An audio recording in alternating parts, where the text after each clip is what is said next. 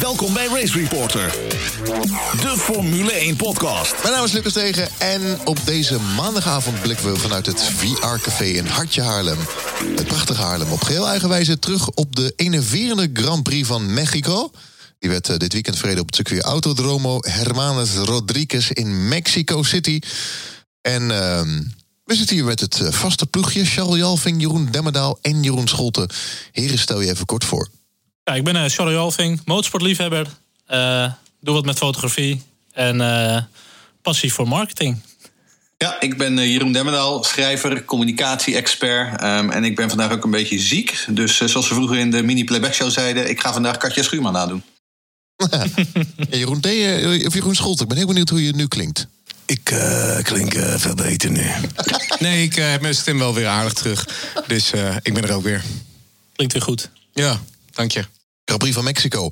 Puntje van mijn stoel. Om tien over acht zondagavond. Die hebben allemaal thuis gekeken. Begreep Ja. ik. Ik zat op de Beamer. Dat is gaaf. In Rotterdam? Ja, ik ga echt een sparen voor een Beamer. Dus eh, doneer, want dan kan ik een Beamer kopen. Maar ehm, ik vond echt een hele gave eerste race. Maar we hebben heel veel te bespreken natuurlijk. De, de, de Grand Prix, eh, het podium gaan Ja. we bespreken. En natuurlijk de pole position van zaterdag. Ehm, laten we met eh, Jeroen Demmerdaal beginnen. Ja, eh, want laten we beginnen eh, met de winnaar. Onze bijna wereldkampioen, Lewis Hamilton. Zegen nummer 83, eh, volgens het telraampje. Ehm, ja, kwam die uit niets? Nou, toch wel een beetje. Want wij waren er allemaal van overtuigd dat dit het weekend van Ferrari ging worden. Op die hoogte en met die lange rechte stukken. Maar niets bleek minder waar. Ehm, tot ieders verbazing wint Hamilton de wedstrijd. Ehm, en al met al zat het veld, vooral aan kop, gewoon veel dichter bij elkaar dan wij gehoopt en verwacht hadden. Ja, klopt, we hadden inderdaad eh, voorspelling gedaan. Want die moeten we er vaker bij pakken. We doen wel de maar we Ja. haken niet terug. Ik dacht Bottas 1, Leclerc 2, Sainz 3. Ehm, dus die moeten we voor, voor de volgende keer nog erbij pakken. Maar Ja. inderdaad totaal anders dan we hadden verwacht. Ik had ook de jongens van Ferrari op 1 en 2 en dan Hamilton. En eh, halverwege de race, qua strategie, met die twee stops leek het ook nog wel eh, makkelijk te kunnen. Ik denk, oh, dit, dit gaat wel goed komen. Maar uiteindelijk was die twee stopper eh, niet helemaal de goede strategie. Dus het liep even anders. Nou ja, ze werden bij Mercedes geïnspireerd door Ricciardo. Hè? Die eh, bleef maar heel lang doorrijden op die, eh, op die hard. Eh, en aan de hand daarvan besloten de strategen bij Mercedes van... Hmm, zouden we dat met Lewis Hamilton ook kunnen doen? Eh, dus ja, Mercedes nam een risico, het gokte eh, en het won. Ehm, Hamilton die was uiteraard weer zoals gewoonlijk allesbehalve zeker over de strategie. Die zat weer te miepen van voor tot achter over de radio. Maar die moest uiteindelijk ook gewoon toegeven dat eh, men het bij het rechte eind gehad had. Ja, en de honderdste overwinning voor Mercedes in de Formule 1. Hè? Dat is toch wel even een applausje waard. Een applausje waard, ja. Ja. Wat eh, Jeroen uh, pas, al zei, hier wordt geschiedenis geschreven. Nou, Ja. dat, eh, dat hebben ze echt wel netjes gedaan. En weer waar de concurrentie gewoon wat steken laat vallen, is gewoon Mercedes misschien niet eens de snelste. Maar ze staan er gewoon weer gewoon foutloos. Ja, eh, prima gedaan. was het vierde team met de honderdste overwinning. Hè? Ferrari was de eerste, McLaren in de vroege jaren 90. En wie, oh, Williams, Williams, nog 1997. Ja. 23 van Nico Rosberg, 8 van Juan Manuel Fangio, 6 van Bottas. Wauw. En 1 van Sterling Moss. Die van Bottas die doen het dan hoor, hè? Ja. ja, dat zijn de mooiste. Dat zijn de mooiste. Dat ja. zijn de mooiste. Die haalden, vergeten ja. we nooit. Nee, die haalt ze altijd uit de poorten van hel weg. Ja. Maar goed, het podium was wel tof. Met die auto die omhoog kwam. Hamilton die als een soort van halfgod eh tussen de confetti en de rook eh, erboven kwam. Ik, ik vond er geen reet aan. Nee, ik vond het echt fantastisch. niks. Ja, ik denk, qua showwaarde was het toch wel grappig om een keer te doen. Hoor. Dat, dat kan in Mexico. Je hebt zoveel ruimte daar. Dat is toch mooi? Ja, ik vind, ik vind die Mexicanen wel leuk. Ik vind het daar wel heel leuk. Dat, Ja? Kijk, die bocht is natuurlijk verneukt, maar dat stadiondeeltje is wel heel erg leuk Sorry, wat geworden. je zo. nou? Dat stadiondeeltje is wel heel erg leuk geworden. Zo. En, en met dat, ik, vond hem, ja, ik vond het wel apart, ik vond het wel leuk. Prima. Ja, nee, ik niet. Ik vond het een beetje eh tierenlantijnen om niks. Maar verder ben ik het wel met je eens. Wat ze altijd doen na afloop eh, eh, in dat stadiongedeelte, dat is altijd wel erg tof. Ze maken er altijd wel een mooi feestje van. Nederlandse Nou, DJ. toch inderdaad de Peraltada. Ja, als je dan toch de Peraltada om zeep moet helpen, doe het dan maar zo. Is jullie ook op, opgevallen, die clown die op het podium opkwam met die camera, die werd gewoon door Vettel weggeduwd. Van gast. Oh, die gast was Weg echt jij. vervelend. Hij heeft ook een eigen Twitter-account. Ik had hem net Is nog zo? gedeeld. Ja, die, die vent was echt eh, vervelend gewoon. Mijn hemel. Dat, eh, dat gaan ze echt wel even over klagen bij Liberty, denk ik. Maar wat ik wel afvraag, volgens mij hebben ze het natuurlijk wel van tevoren gecommuniceerd. Van degene die wint, dit gaan we doen. Dus ik denk dat je als rijder dan wel denkt van ik wil deze, deze wil ik wel winnen. Ja. Of speelt, Nou, ik, ik denk, dat ik niet denk dat die rijders van tevoren altijd denken: deze wil ik wel Nee, winnen. natuurlijk. Maar ja. Uiteindelijk was Vettel die was echt aan het klagen inderdaad. Over die, eh, die gast met die sombrero, hoe heet die? Mario Acci. En eh, de, de niet zo mooie bekers, die natuurlijk eh, eigenlijk gewoon een veredeld eh, Heineken-logo is. Ja. En ze hebben natuurlijk zwaar uh, lopen klagen erover. Het ziet er ook echt niet uit. Ja, maar Ja, maar hij was ook echt spot on. Hij was ook echt spot on wat betreft die bekers natuurlijk. Want Ja. ik bedoel, dat ding ziet er echt ziet er echt niet uit. Het is zo ontzettend 13 in een dozijn. En steeds meer van die eh, bokalen bij die Grand Prix worden dan eh, gedicteerd door, door de sponsorlogo's. Eh, ik ben het wel met hem eens hoor. Daar moeten ze echt, wat, daar moeten ze echt mee ophouden. Ja, ik snap wel dat Hamilton ze altijd in de lucht gooit. Ik hoop dat hij een keer eentje laat vallen, maar dat, eh, dat Die van, die, niet. van, die van Hongarije is wel mooi, die urn. Ja, dat wel, ja. Ja. Goed, eh, laten we even kijken naar het weekend van Max. Ja, dat ging wat minder. Gewoon natuurlijk allemaal al op zaterdag. Ja, ik heb, me- ik heb me wat zitten verbazen op, eh, op Twitter na afloop, moet ik eerlijk zeggen. Want dan zijn er toch weer mensen die het dan allemaal weer voor hem opnemen. Dus daarom ging ik op een gegeven moment een polletje eruit gooien. en er kwam dan een reactie op van, eh, van, van toch 1100 mensen. Dus best wel veel. En eigenlijk viel me dan weer mee. Want 77% vond de straf terecht. Dus dat is toch wel een man of 800. En eh 20% die, die was het er eigenlijk eh, niet, niet mee eens. Die vond dat er geen straf eh, had moeten komen. Maar ik, ik, ik, vind eigenlijk de discussie die er ontstaat... want ik las ook ja, de controversiële beslissing las ik ergens. Dan denk ik, wat is er nou controversieel aan? Je rijdt door een gele vlag heen... en vervolgens heb je een enorme grote waffel. Dan denk ik, wat is er nou controversieel aan die straf? Dat is gewoon een 100% straf. Maar dat valt me dan... Ja, gezien de uitslag van die, eh, van die enquête, zeg maar, valt het me dan nog wel mee. Dat, dat eigenlijk de, de, de, de, racefans, de Max-fans, nog best wel realistisch denken hoor. Nou, ik denk dat vooral de rust wedergekeerd was. Want het moment dat het gebeurde, ging het volgens mij online helemaal los. En eh, Jeroen Demmerdaal en ik zeiden eigenlijk meteen al van... joh, dit, dit moet niet onbestraft zijn. En iedereen was al, ja, dan pak je je tijd af... en dan eh eventjes nog Paul. Ik dacht, dat kan niet. En we hebben het er ook over gehad, inderdaad, na Hubert... Daar eh, ging ook een coureur van de baan af. Er komt er eentje nog vol gas eh, aan. Ehm, en eh, je raakt elkaar. Nou, dat kan gewoon desastreuze gevolgen hebben. En Max weet niet wat hier gebeurt. Wat over Marshall staan of, of Bottas aan het uitstappen is. Ja, je moet het gewoon niet willen. Je moet het gewoon bestraffen. En de straf was ook meer dan prima. Ja, eh, nee, het is heel simpel. Geel is ho eh, en Verstappen negeerde het. Ehm, ik, ik moet zeggen, ik vond die laconieke houding eh, in die persconferentie... ehm, eh, inderdaad wat je zegt, na Hubert, echt, echt onacceptabel. Ehm, Max heeft een voorbeeldrol. In principe iedere Formule 1-coureur heeft een voorbeeldrol. Michael Masi zei na afloop ook dat zijn uitspraken in de persconferentie... niet van invloed waren op de beslissing. Ehm, als dat wel het geval was geweest, had ik dat helemaal prima gevonden. Ja. Ehm, wat ik bedoel, hij zegt in die persconferentie van ja, we weten allemaal wat we aan het doen zijn. Ja, maar er was ook iemand die wist wat hij aan het doen was en die eindigde in die muur. Dus ik bedoel, dat is natuurlijk gewoon geen argument. En als je nou had gezegd van joh, mijn display deed inderdaad niet, want dat was gesloopt. Eh weet je, die naast de track ook, volgens mij omdat Bottas tegen die sensor aan was geknald of zo. Dus ik zag die gele vlag gewoon laat. En toen, voordat ik had gekozen, was ik eigenlijk al vol gas er voorbij. Dat kan je dan nog zeggen als een soort van veredeld excuus. Maar ik vond die houding, ja, ik vind dat dan jammer. je, Dat zie je hem niet. Ehm, Nee. Maar goed, ja, we moeten het ermee doen. En heel vaak zijn we ook wel blij als Max lekker, eh, lekker stevig in zijn mening staat. En als hij gewoon. eh, maar ik vond, ja, op dit moment vind ik dat niet, niet leuk meer. Nee, het is prima dat hij stevig in zijn mening staat, maar af en toe is die mening ook gewoon volkomen fout. En dit was daar eh, een van die voorbeelden. Kijk, het is jammer, hè, want zo'n hele weekend werd bepaald door vijf seconden in turn 17. Ehm wat afgeslo- maakt hij die fout niet, dan start hij van Paul en dan loopt hij misschien die chaos in de openingsfase. Ja. Eh, ik bedoel, in de trainingen deed hij alles goed, in de race deed hij alles goed. Hij reed een wereldrace gisteren. Ehm hè, wat de incidenten met, eh, met Hamilton en Bottas, waar we het zo over gaan hebben, was, was, daar kon je hem niks op, eh, eh, daar kun je hem niet op aanwijzen. Dus ja, het is gewoon zonde. Aan de andere kant is denk ik die pole. Daar had ik toch wel wat moeite mee om met een Honda-motor de eerste kilometer vanuit stilstand eh, vooraan te blijven rijden hoor. Dus ik, ik weet niet of het dan zoveel beter was gegaan, moet ik eerlijk zeggen. Ja, we hadden het in de voorbeschouwing ook over. Pol was niet ideaal hier. Nee, was was zijn start ideaal. nu zoveel beter omdat hij echt slipstream Hij had had? gewoon wel een goede start. En hij, hij had uiteindelijk, En als denk derde? ik, als derde lag hij op een gegeven moment. Ik, Ja. ik denk als hij al van Pool had gestart, dat hij ook tweede, derde was geweest. Ja. Dus op zich, hij had nog alle kansen. Ja. Maar ja, het loopt dan lullig. Goed, om dan even inderdaad de start van eh, Max mee te pakken. Inderdaad. eh, hij zat gewoon mooi aan de binnenkant van de eerste bocht. En hij zat vrij goed. Wat ik vond, is dat kijk, Vettel die werd een beetje afgeknepen door Hamilton bij de start. Eh, van Hamilton werd een beetje afgeknepen door Vettel. Die viel iets terug. Maar ik vond dat, dat Max hem nog best wel veel ruimte gaf aan die linkerkant. Waardoor Hamilton eigenlijk best wel een goede ideale lijn kon rijden. Terwijl als Max eigenlijk veel meer naar links had blijven zitten. Wat hij heel vaak doet. Had Hamilton die bocht had hij eigenlijk volledig later moeten gaan nemen. Dan had Max hem gewoon makkelijk gehad. Hij remde ook vrij vroeg hè, voor turn one. Ja. Eh, bewust. Want hij zat er vrij ver voor. En vervolgens kon Hamilton, doordat hij wat later remde, eh, dichterbij eh, komen. Ja. Nou, we hadden ook een vraag van Marco Asbreuk. Die vraagt, ja, jullie mening, reed Max Verstappen op of over het randje ehm, in, die, in die eerste bocht? En knepen de stewards hier twee oogjes toe? Omdat hij, hè, er kwam uiteraard geen straf Ja. voor. Nou ja, ik denk dat we dat inmiddels nu al samen besproken hebben. Nee, absoluut niet. Ik vond helemaal niet dat hij over het randje reed. Ehm, zowel hij als Hamilton hadden wat overstuur. Ehm, maar nee, hij, eh, dit was gewoon ja, een race-incident. En ook bijna nog het, niet eh, eens. Ik bedoel, want eh, ze raakten elkaar volgens mij heel lichtjes maar. Even wiel op wiel. maar goed, ehm, ja, dit, is- dit is gewoon puur een race-incident. Ja, en dan hebben we uiteindelijk hebben we inderdaad nog... ehm eh, Klaas Meijer, die heeft ook nog een vraag gesteld inderdaad. Max heeft te vaak schade na bocht 1. Eh, het is toch geen toeval dit seizoen. En ik denk dat dat ook wel een stukje frustratie is gewoon van Max. En dat voelden we bij Japan ook al aan. Ook niet zijn schuld. Maar doordat hij gewoon niet vooraan staat, doordat hij niet het tempo heeft, eh, wil je gewoon plek goed maken in, eh, in de openingsronde. En ehm, ja, dan, dan loop je gewoon wel eens tegen zulke incidenten aan. En kijk, Max is dan ook wel iemand die, eh, die wil gewoon graag zijn mannetje staan. Die, die gaat echt niet zomaar aan de kant. Ja, dan loop je gewoon schade op.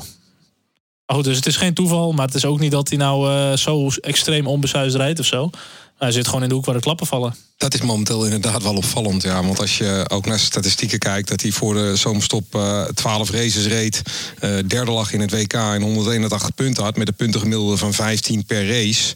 En nu hebben we, eh, zijn we zes races verder. Ligt hij nog maar vijfde. En heeft hij puntengemiddelde van 6,5 per race. Ja, hij is gewoon te vaak bij incidenten betrokken. En dat kan allemaal wel voortkomen uit frustratie en irritatie. Dat die Red Bull niet goed genoeg is. En dat Ferrari ineens als, als de bliksem gaat. Ja. Maar uiteindelijk zijn dit wel de killer cijfers. En je kan niet zeggen dat in die zes races Max Verstappen alles goed heeft gedaan en Red Bull alles fout heeft gedaan. Er zit wel gewoon echt iets. ehm, eh, ja, hij moet, hij moet beter presteren. Er zit een vormdip in. Eh, het schaaft al sinds de zomer. Eh, het, sinds de zomer gaat het gewoon al niet lekker. Ik bedoel, dat is ook de reden dat hij nu in zo'n ehm, situatie met Bottas eh, eindigt. Hè? Ik bedoel, want ja, uiteindelijk is Bottas degene die met zijn, achter, met zijn voorvleugel zijn achterwiel lek rijdt. Ja. Maar ja, normaal gesproken zit hij er ook gewoon voor en heeft hij hier gewoon geen last van. Nee, kijk, hij is in zes races nu twee keer voor Albon geëindigd. Ehm, en dat is gewoon niet goed genoeg, ongeacht de, de redenen. Nee, nee het, het, het incidentje met Bottas wil ik ook nog wel even meepakken, inderdaad. Kijk, eh, er zijn mensen die zeiden van ja, Max had hem op het rechte stuk gewoon moeten pakken. Maar ehm, Bottas die zat net een beetje klem achter Norris. Die pakt ook gewoon DRS. Nou, dan ga je die Mercedes no way voorbij op het rechte stuk. Ik ken het stadiongedeelte, eh, of het stukje daarvoor, waar het heel bochtig is. Daar is die Red Bull gewoon beter. Daar liep je gewoon in op Bottas. Ja, naar mijn inziens was dit de enige kans die hij ook echt had om Bottas te pakken. Want als Bottas vervolgens op het rechte stuk op start-finish er voorbij was gaan naar Norris, dan had je die niet meer kunnen pakken waarschijnlijk. Dan heb je wel betere race pace. Maar als dat niet eh, substantieel genoeg is, of eh, beter is, ja, dan kom je er niet voorbij. Ik vind het was wel jammer, want Bottas die opende eigenlijk zijn stuur. Op het moment dat hij Max ziet komen, Max die pakt die binnenkant. Bottas die gaat laat naar binnen, maar gewoon te vroeg en die raakt Max. Ja, ook dat is gewoon een racing incident. Er was absoluut geen opzet van Bottas om hem te hinderen, om hem te raken of, of whatever. Ja, er is dan ook inderdaad geen onderzoek naar geweest. Ja, naar mijn inziens prima. Maar voor Max is het wel even flink waardeloos. En dan was er nog een vraag van Joost Vondel over die race pace. Nu we Max eindelijk een volle race hebben zien rijden, wat denken jullie over de race pace van Red Bull in verband met volgend jaar? Of is de hoogste van Mexico te verstorend om er iets zinnigs over te zeggen?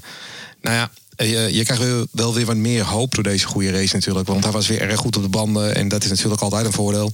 En, ehm, maar uiteindelijk denk ik inderdaad dat de hoogte van Mexico wel erg verstorend is. Volgende week hebben we natuurlijk de race in Austin, waar we het zo meteen over gaan hebben. Daar zit geen heel erg lang rechtstuk in.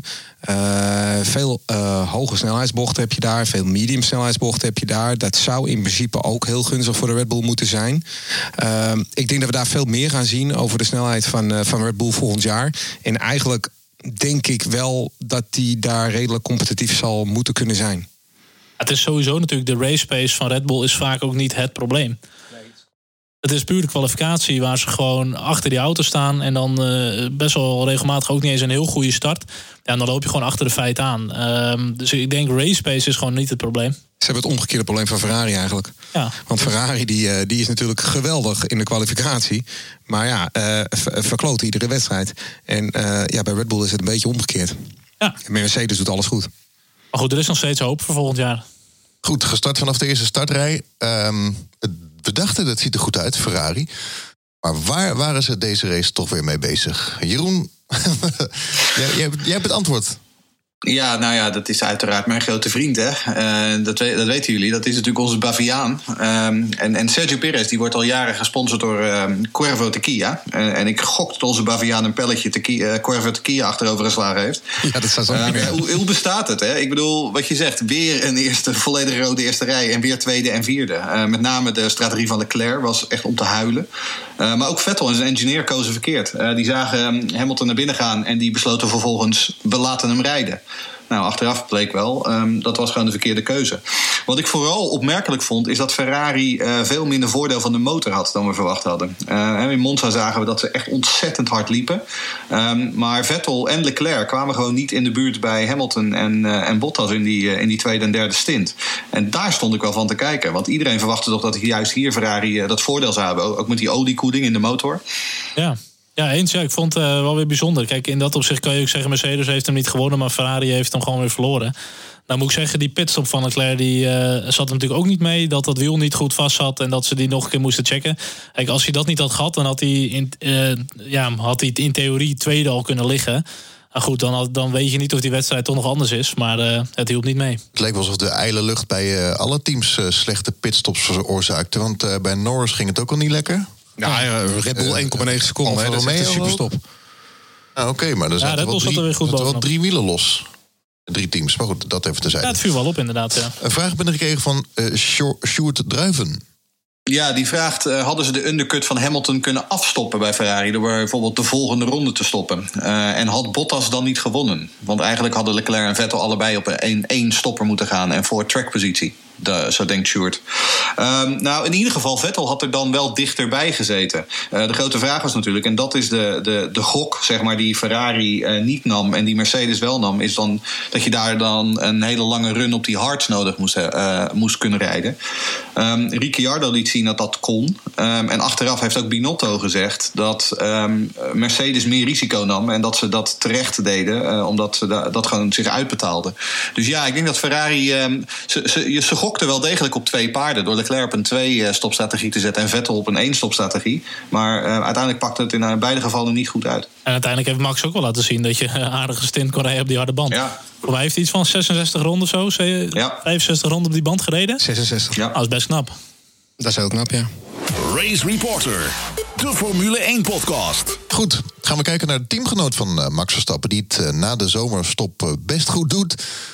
Albon, die zat er uh, goed bij. Bleef uit uh, de melee weg. En uh, ja, ik vond hij wel een goede race. Ja, wat je zegt, hij doet het best goed. En um, ik vind eigenlijk bij rookies en ook wel bij tweedejaars, moet ik heel eerlijk zeggen, dan, dan moet je niet zozeer kijken naar de constante lijn, maar meer naar de pieken. Want uh, je, je, hebt natuurlijk pieken en dalen heel erg bij, uh, bij rookies en bij jongelingen. En uh, in het midden zit dan ergens een nullijn, wat een beetje het gemiddelde is.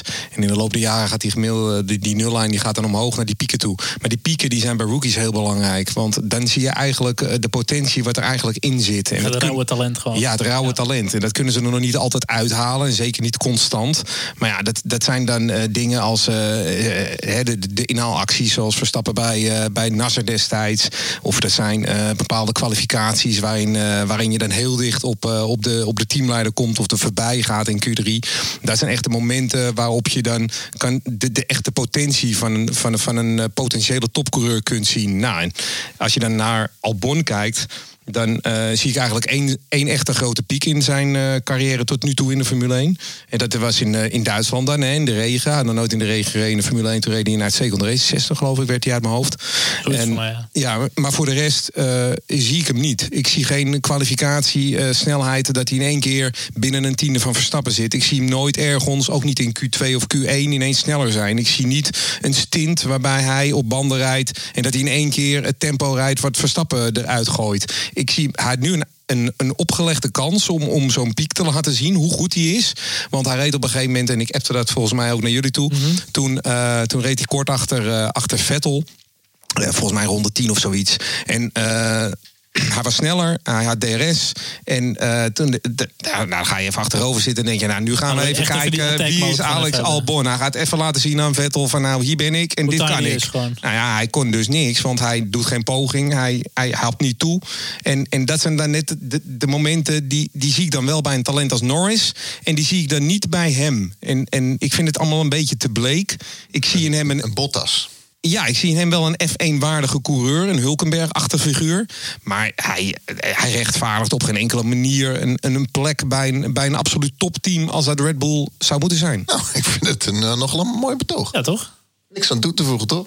Nou, ik vind het een prachtig betoog. ehm, maar laat ik dan eh, hè, advocaat van de duivel spelen. Anders doen we Alexander Ehm. Bottas. Al Bottas. Al Bottas. Al Bontas. Ehm, ik denk, ehm, nou, laat ik zeggen, laat ik advocaat van de duivel spelen. Ehm, ten eerste, we moeten vergeten, niet vergeten, ehm, Alexander Albon is een rookie. Ja? Dit is zijn eerste jaar. Is halverwege het seizoen is hij overgestapt naar het grote Red Bull. Ik geef het je te doen. Ja? Ten tweede, zijn teamgenoot is niet eh, Robert Kubica of Lance Stroll. Nee, zijn teamgenoot is Max Verstappen. Waarschijnlijk het grootste talent dat de Formule 1 op dit moment kent. Hij zat er nu in de kwalificatie eh, plus 0,3 seconden eh, achter de topmannen. En eh, uiteindelijk in de race eindigde hij er 21 seconden achter. Nou, oké. hè. dus dat, wat dat betreft houdt hij het stabiel, dat gat. Ehm, ten derde, Ehm, ze hebben er al een hoop geprobeerd naast Max, die allemaal gefaald zijn. Ehm, maar eh, Gasly, bijvoorbeeld, hè, ik bedoel qua rijstijl, qua mindset, qua resultaten, was veel en veel minder dan Albon. Wat de minste verwachting bij Red Bull is dat je in ieder geval altijd in de top 6 rijdt. Ehm, en als je dan kijkt naar eh, de resultaten, dat doet hij al zes races lang. Eh, Gasly deed dat vijf keer in 11 races. Ehm, Albon heeft 6 uit 6. Gasly scoorde 63 punten in 11 races. Albon heeft er 58 in 6 races. Ehm, qua pieken en dalen, goed punt. Maar Albon is geen coureur van pieken. Albon is een calculerende coureur. Albon is een diesel die langzaam eh, zich ontwikkelt dan bijvoorbeeld een Norris, dan bijvoorbeeld een Verstappen. Want niet iedereen kan een Norris of een Verstappen zijn. Ehm, ik denk dat inderdaad, laat, het, laat hij een Bottas worden naast Verstappen. Laat hij die perfecte tweede coureur zijn die Red Bull Racing nodig heeft.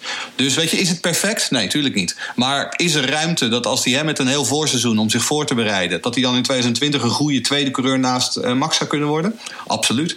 Ik beoordeel hem dus juist ook als rookie. Dat, dat zeg ik dus ook. En hij mag voor mij ook best fouten maken. En hij mag voor mij ook best een keertje slechte, ook, slechte races hebben. En slechte kwalificaties doen. En in de vrije training knalt hij eraf. Dat is allemaal prima.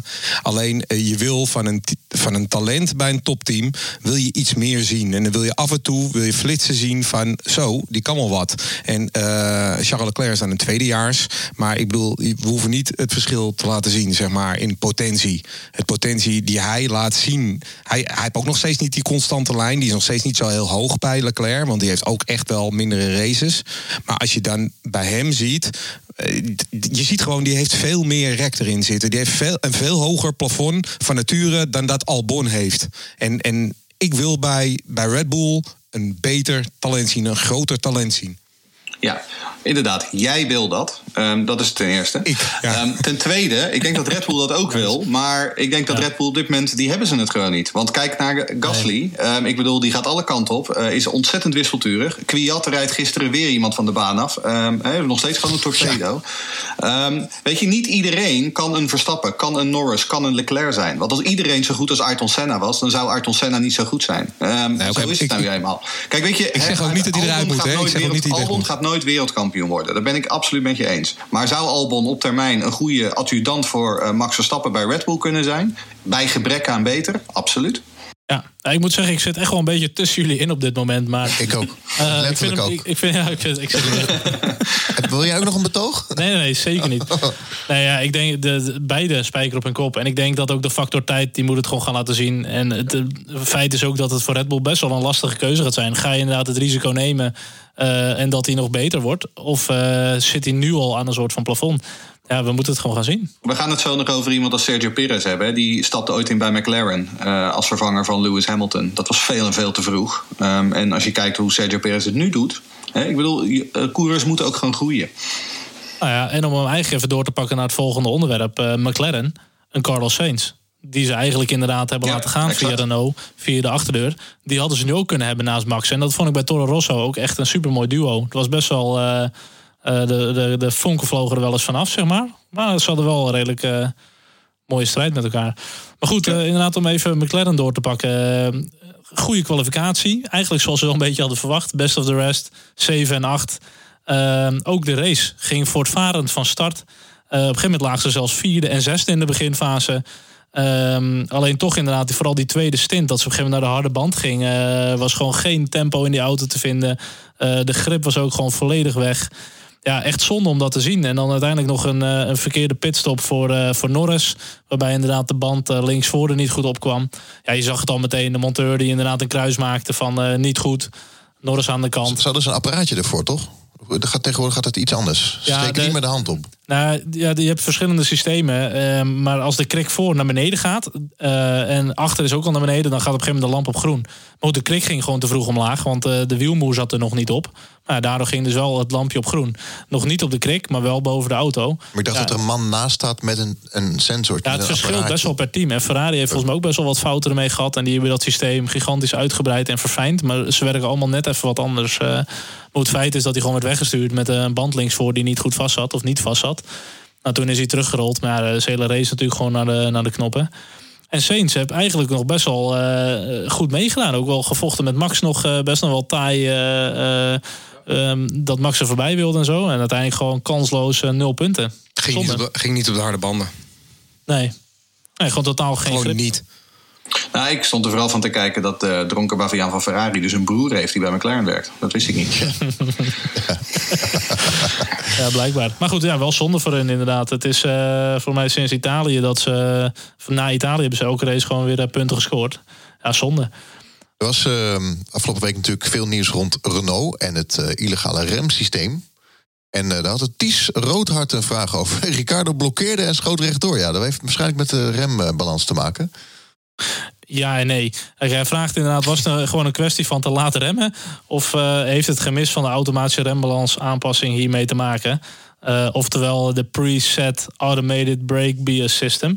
Uh, ja, ik denk het niet. Kijk, tuurlijk, de jongens die zijn zo getraind, die weten echt wel hoe ze die rembalans willen hebben als, per bocht. Als, als iemand kan remmen, dan is hij het wel. Kijk, en Ricciardo heeft op dit moment gewoon geen, geen Red Bull, geen RB15, geen chassis waarmee je echt uh, kan smijten en rijden zoals hij het zou willen. Hij kent was gewoon laat remmen, redelijk ver al aan de binnenkant. Ja, dat gebeurt wel eens als je er zo ijverig langs wil. Ja, hoort erbij. Maar voor mij was het vooral het contrast tussen uh, Renault en McLaren. Waar eigenlijk McLaren verreweg dominant is geweest de afgelopen... nou, ik denk wel de afgelopen 15 races of zo. En uh, nu is inderdaad, Renault moet dat systeem hebben eraf gehaald. Ze moeten weer gewoon zelf de, de rembalans doen. En prompt heb Renault een dubbele puntenfinish. En McLaren heeft. Nee, nee, nee. Hulkenberg niet, hè? Ja, die is uiteindelijk tiende geworden. Oh ja, ja wel. Na ja, die straf natuurlijk. Daar komen we zo ja. nog even op terug. Maar de, uiteindelijk wel inderdaad een dubbele puntenfinish. Gaan we Renault nog doornemen of doorlichten? Of? Nou ja, het punt is met Renault is dat ze het gewoon... Die strategie van Ricciardo was gewoon spot on. Um, en die managen zijn banden gewoon heel goed. Um, ja, heel en, gereden. en nogmaals, zoals ik eerder al, uh, ook al zei... Daar, daar had Mercedes, had daar, uh, die, die raakte daardoor geïnspireerd. En uh, koos zo de strategie voor Hamilton. Um, ik weet niet of je direct de, de, de, conclusie kunt trekken... dat ze nu McLaren voorbij zijn inderdaad. En dat het allemaal met het feit dat ze nu opeens zelf hun remmen moeten afstellen... dat het daarom nu zo goed gaat. Maar... Um, nou ja, ik bedoel gewoon een goed resultaat. Ja, Abiteboel die kan eindelijk weer uh, een beetje normaal uh, rapporteren aan het uh, hoofdkwartier. Misschien is het oud nieuws, maar ik had begrepen dat de opper, opper Renault-man een an andere, andere persoon, een andere nieuwe topman. En die is niet zo ja, voorstander top, van 1. Topvrouw. Topvrouw, topvrouw zelfs. Topvrouw Ja. zelfs. En die, die zou de stekker uit Formule 1 Nou, ze zijn volgens mij wel aan het heroverwegen. eh, Maar dat doen dat soort grote merken constant. eh, om te kijken of het nog steeds actueel genoeg is om in zo'n globale sport zoveel te investeren. Ja, dan moet je altijd eh toekomstperspectief eh, onder de loep nemen. Ja, de vorige topman, Carlos Ghosn uh, van Renault, die had een strategisch vijfjarenplan uitgelegd. Um, en nu dat Carlos Ghosn vertrokken is, gaat die nieuwe mevrouw die gaat dat plan gewoon doorlichten. En dat doe je altijd. Je pakt het plan van je voorganger en dan ga je kijken of, uh, of alles daar nog in past of niet. Ja, dat snap ik. Maar sinds wanneer zit ze er? Ik als, als... Uh, een paar maanden. Een paar weken misschien zelfs nog. Echt heel recent. Oké, okay, goed. Um, Checo, Perez, thuisrace. Hoe goed is hij nou eigenlijk? Ja, um, nou ja, hoe goed is hij nou eigenlijk? Ik bedoel, daar hebben vooral Jeroen en ik altijd nog wel wat uh, discussies over. Uh, kijk, ik ben wel een fan van, uh, van Perez. ik denk dat hij beter is dan menig één denkt. Ehm, kijk, hij faalde bij McLaren, zoals ik zojuist ook al zei. Maar dat was natuurlijk zes jaar geleden. En daar kwam ik op een heel slecht moment binnen bij, um, bij McLaren. Maar op dit moment, als je ziet, ik bedoel, vooral nu na de zomer in die laatste paar races, hij haalt het maximale uit die Racing Point. Uh, eindigt gewoon constant net achter de top 6 met dat ding. Um, en uh, reed gisteren ook voor zijn eigen publiek gewoon weer een uitstekende wedstrijd. Uh, kijk, een grote probleem wat ze bij Racing Point hebben is, wat mij betreft, Lance Stroll. Um, want als je kijkt naar hoe goed um, Sergio Perez het doet, en als je een coureur zou hebben die het net zo goed zou doen, dan zouden ze voor Renault moeten staan. Dan zouden ze dus gewoon nummer 5 in het constructeurskampioenschap kunnen staan. in plaats daarvan staan ze achter um, Toro Rosso op het moment.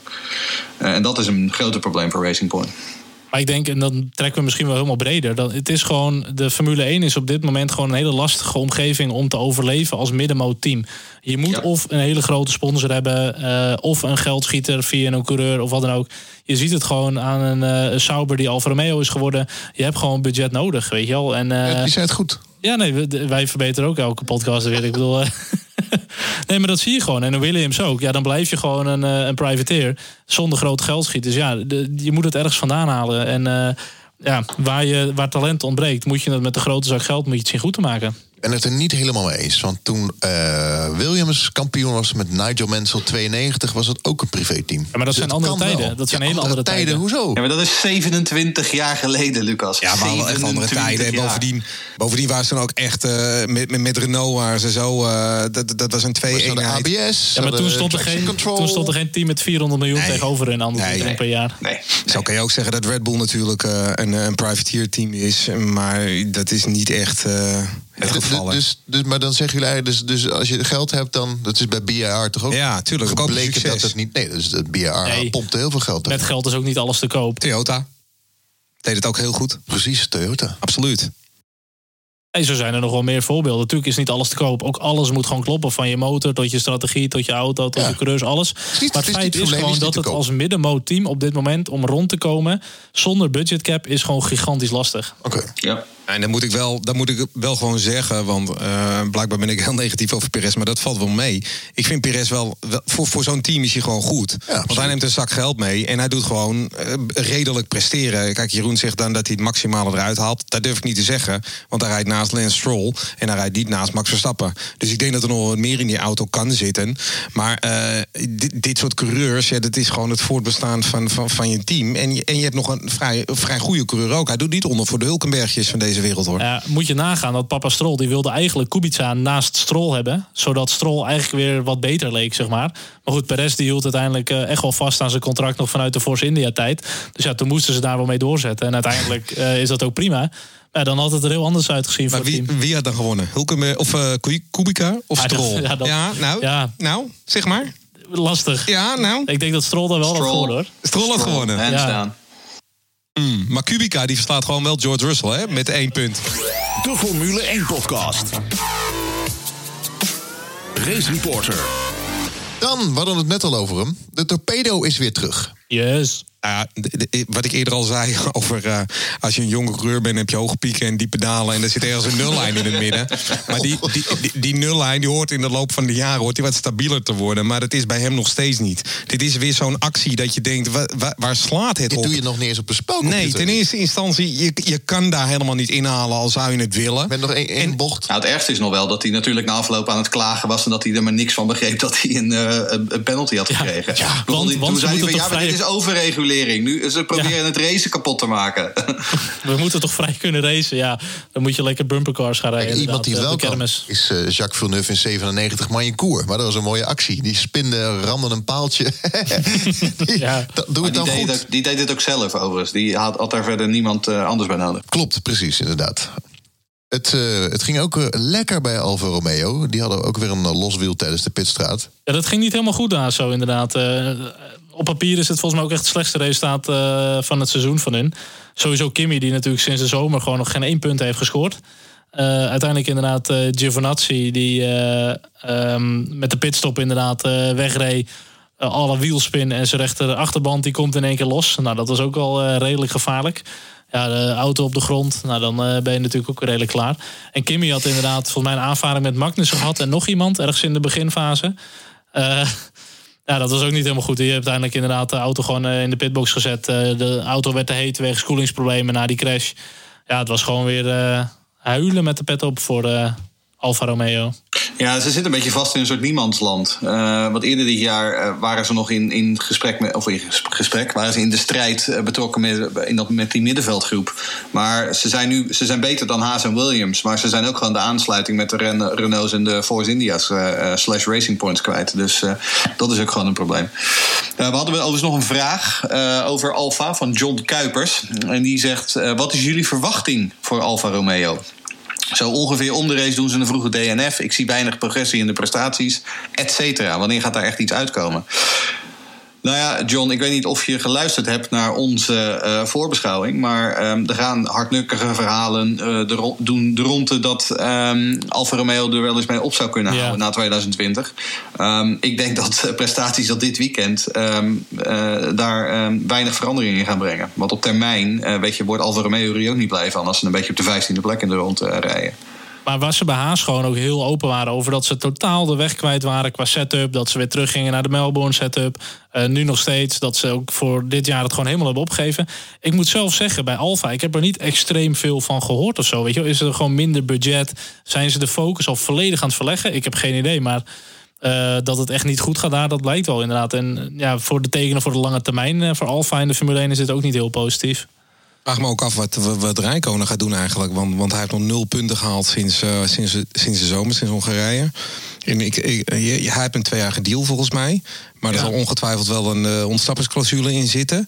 Die, eh, ja, ik, ik, ik zou niet weten of hij er nog, een, nog, een, nog zin in heeft. Dit, dit, dit is toch niks meer? Nou ja, we weten natuurlijk, hè, historisch gezien, de, de laatste jaren van Sauber eh, hadden ze niet heel veel geld om uit te geven daar. Ehm, en, en toen is natuurlijk Alfa Romeo aan boord gekomen, maar dat zal ook niet direct eh, de, de goudvloot binnen hebben gehaald. Ehm, dus ik denk eerlijk gezegd dat ze gewoon al eh, naar 2020 aan het kijken zijn. En dat ze daar hun eh ehm, schamele budgetten aan het uitgeven zijn voor die auto van volgend Ja. jaar. Maar ja, dat weten we ook uit het, uit het verleden. Dan gaat het dat altijd ten koste van de prestaties in het, in het laatste deel van het bestaande seizoen. Ja. ja, ik moet zeggen, ik vond het echt leuk aan het begin van het seizoen. Dat Kimmy toch nog eh, Ja, redelijk absoluut. dicht achter die Ferrari zat. Lekker aan het knokken en zo. eh, een beetje best of the rest. En dat is echt geen schim meer van wat ze waren aan het begin van het seizoen. En het is zo zonde, want het is zo'n mooie auto, hè? Ja, Ja, ik vind het echt een schitterende bak. Ik vind het echt een fantastische... Ja. Ik heb dat logo ook en van achteren. Ja. Het is echt een schitterende bak. Vooral eh, als ik inderdaad dan wel eens langs de baan sta... en dan vanaf de achterkant die auto om daar Oh, een foto van te maken. mooi. Het is zo dik, dat Alfa-logo. Ja, ik Ja, ben er echt... eh, dat is echt schitterend. Wat een stelletjes. Kijk dat naar stralen. dat is toch mooi? Het is Ja, echt een tuurlijk mooie is dat bolide. mooi. joh. Ik vind het mooi. Ik vind het Die had mooi- nou op het podium gehezen aanhoren. moeten worden, die auto. Zo, ja. En dan gewoon Kimmy gewoon met confetti en rook gewoon omhoog dan. Ja, top. Het is, ook, het is ook wel weer een beetje het Alfa-probleem. Hè? Hè, Dat is ook met Alfa de straatauto's. Iedereen vindt het prachtige auto's, maar niemand koopt ze. En dat is de reden dat het al jaren... Ja, dat is waar, ja. zeuren. 30% minder omzet, toch? Of zo zei je? Ja, 40% in Europa, ja. Het, het gaat Ja, niet best daar. ongelooflijk. Ehm, Nee. Nou ja, dan hebben we nog eh, Williams en Haas, onze, onze grote vrienden... die gisteren met elkaar aan het knokken waren achteraan. Ehm, en de vraag is dan, is dat progressie bij Williams of ellende bij Haas? Ehm, nou, ik zou toch zeggen dat het vooral het laatste is. eh, want dat gaat echt van kwaad Ja, tot erger. Eh, die kwalificatie was een drama.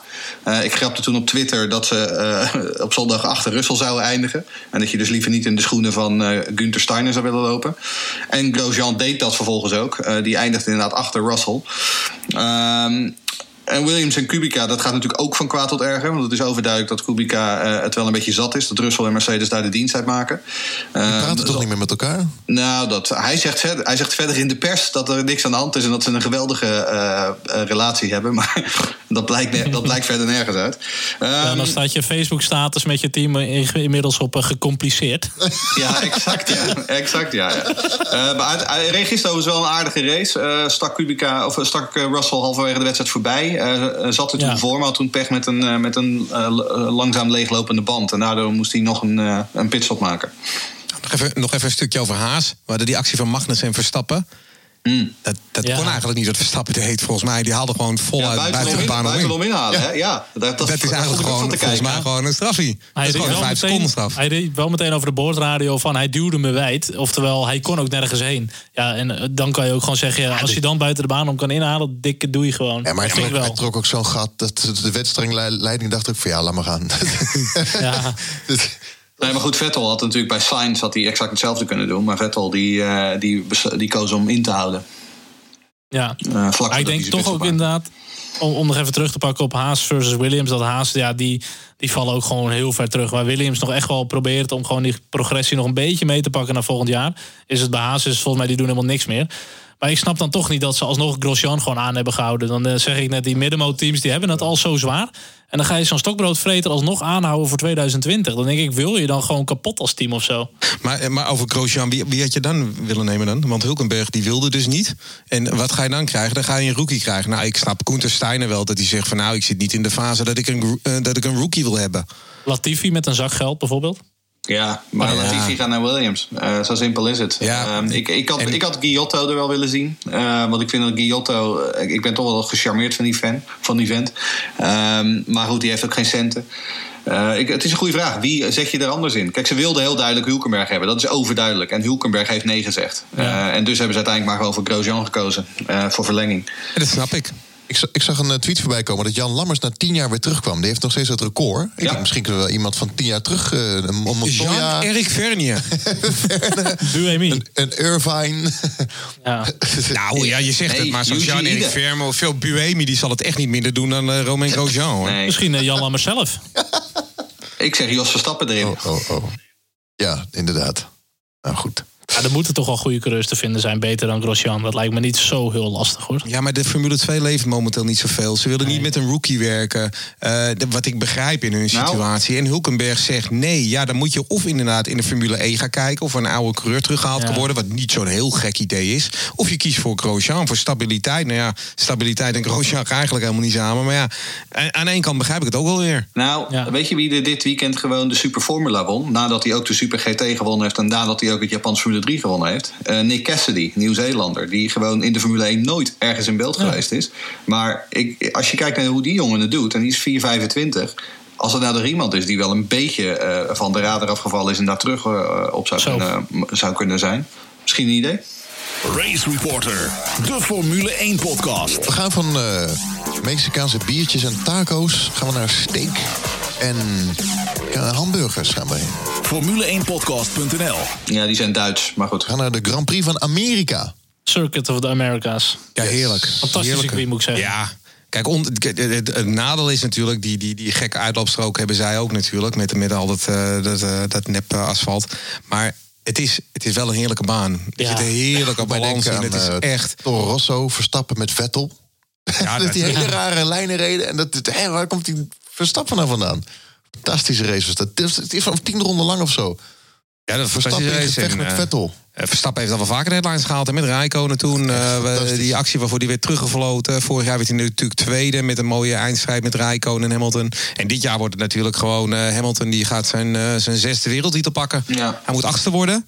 En eh, ja, dan, eh, dan heeft hij hem. Weten we, of Mika, weten we trouwens of Mika Salo weer de race steward is of niet?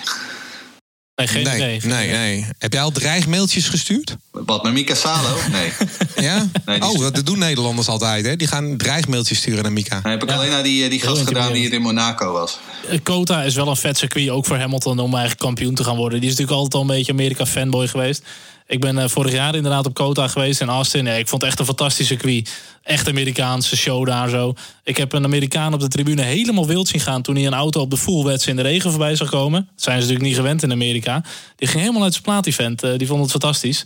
Ja, het is wel leuk om daar een keer te zijn geweest, hoor. Het is echt wel een mooi circuit. Het ziet er goed uit allemaal daar. Ik, eh, als ik even het lijstje erbij pak, de winnaars zijn Austin. Lewis Hamilton heeft hier vijf keer gewonnen.